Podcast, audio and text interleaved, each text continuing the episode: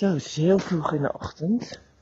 En eh ik ben eh, met mijn hondje aan het wandelen. En ik had even geluisterd naar de podcast met Francine Omer die je me had opgestuurd.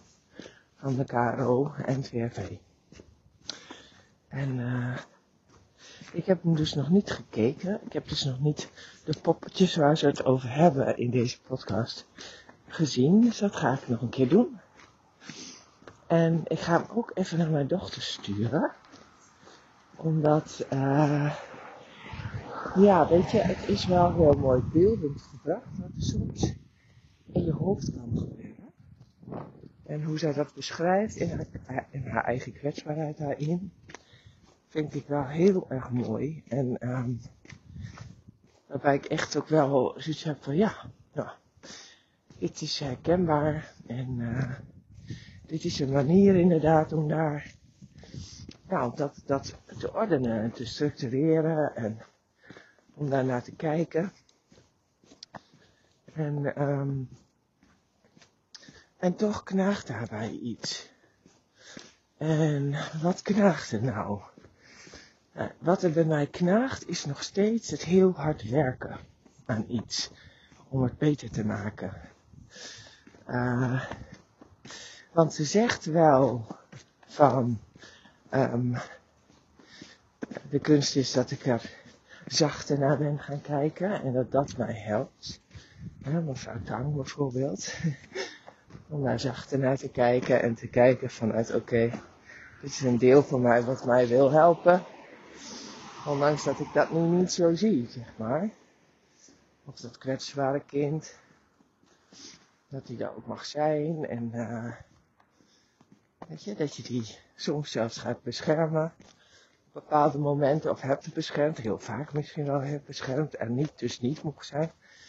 En ik vind dat heel mooi om dat op die manier te beschrijven voor jezelf. Waarbij je al die kleine persoonlijkheidjes in jezelf. Die zich vormen.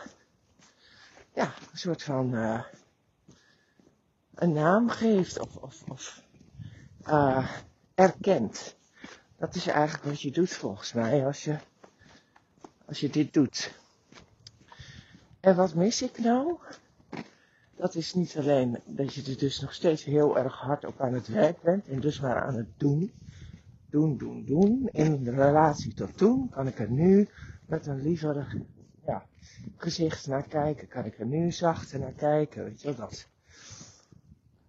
En voor mij het de echte heling echter niet zozeer op het uiteenhalen van al die poppetjes. Uh, die er in jou zitten. Wij zitten, weet je, jou is dan even je. Maar het samenbrengen van die poppetjes als iets wat er allemaal gewoon is en waar je niks aan hoeft te doen. Omdat zij eigenlijk wel heel dichtbij komt en zegt, ja weet je, ze hebben allemaal een doel. En het is maar net hoe de maatschappij kijkt naar wat het doel daarvan is, of dat goed of fout is. Maar ze hebben allemaal een doel. En, eh, uh, hoor.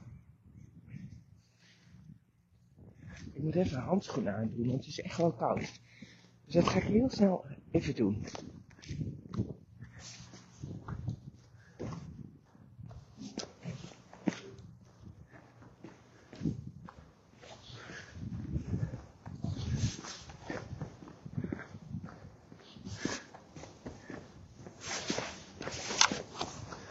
Jeetje, nou dat is een exercitie.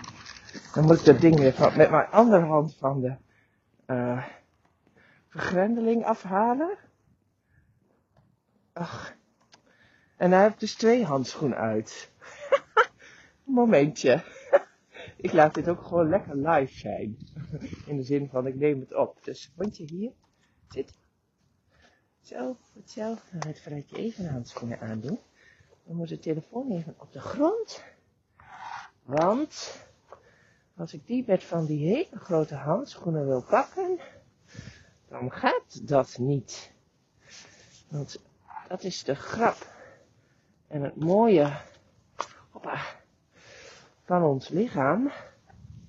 Dat we ook oh, dat we dus ook tastzin hebben gekregen. Die is gewoon volledig weg met van die dikke handschoenen erop.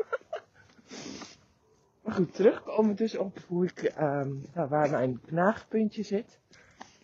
Is dat um, het erkennen van al die verschillende ja, personen in jezelf of rollen die je hebt of dingen die je gewoon doet.